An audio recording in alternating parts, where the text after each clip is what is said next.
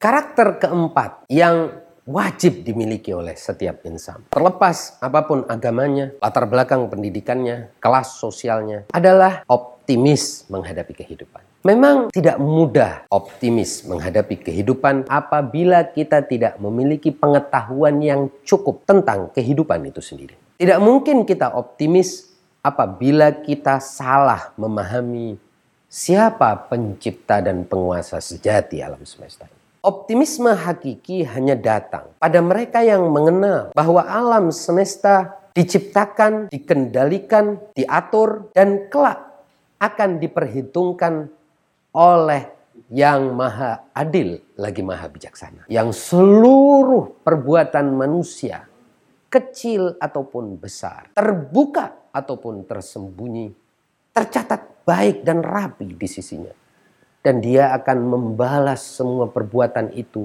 sesuai dengan hakikatnya. Kata-kata di dalam Al-Quran, apabila orang berbuat baik sebesar biji zarah pun, Allah akan membalasnya.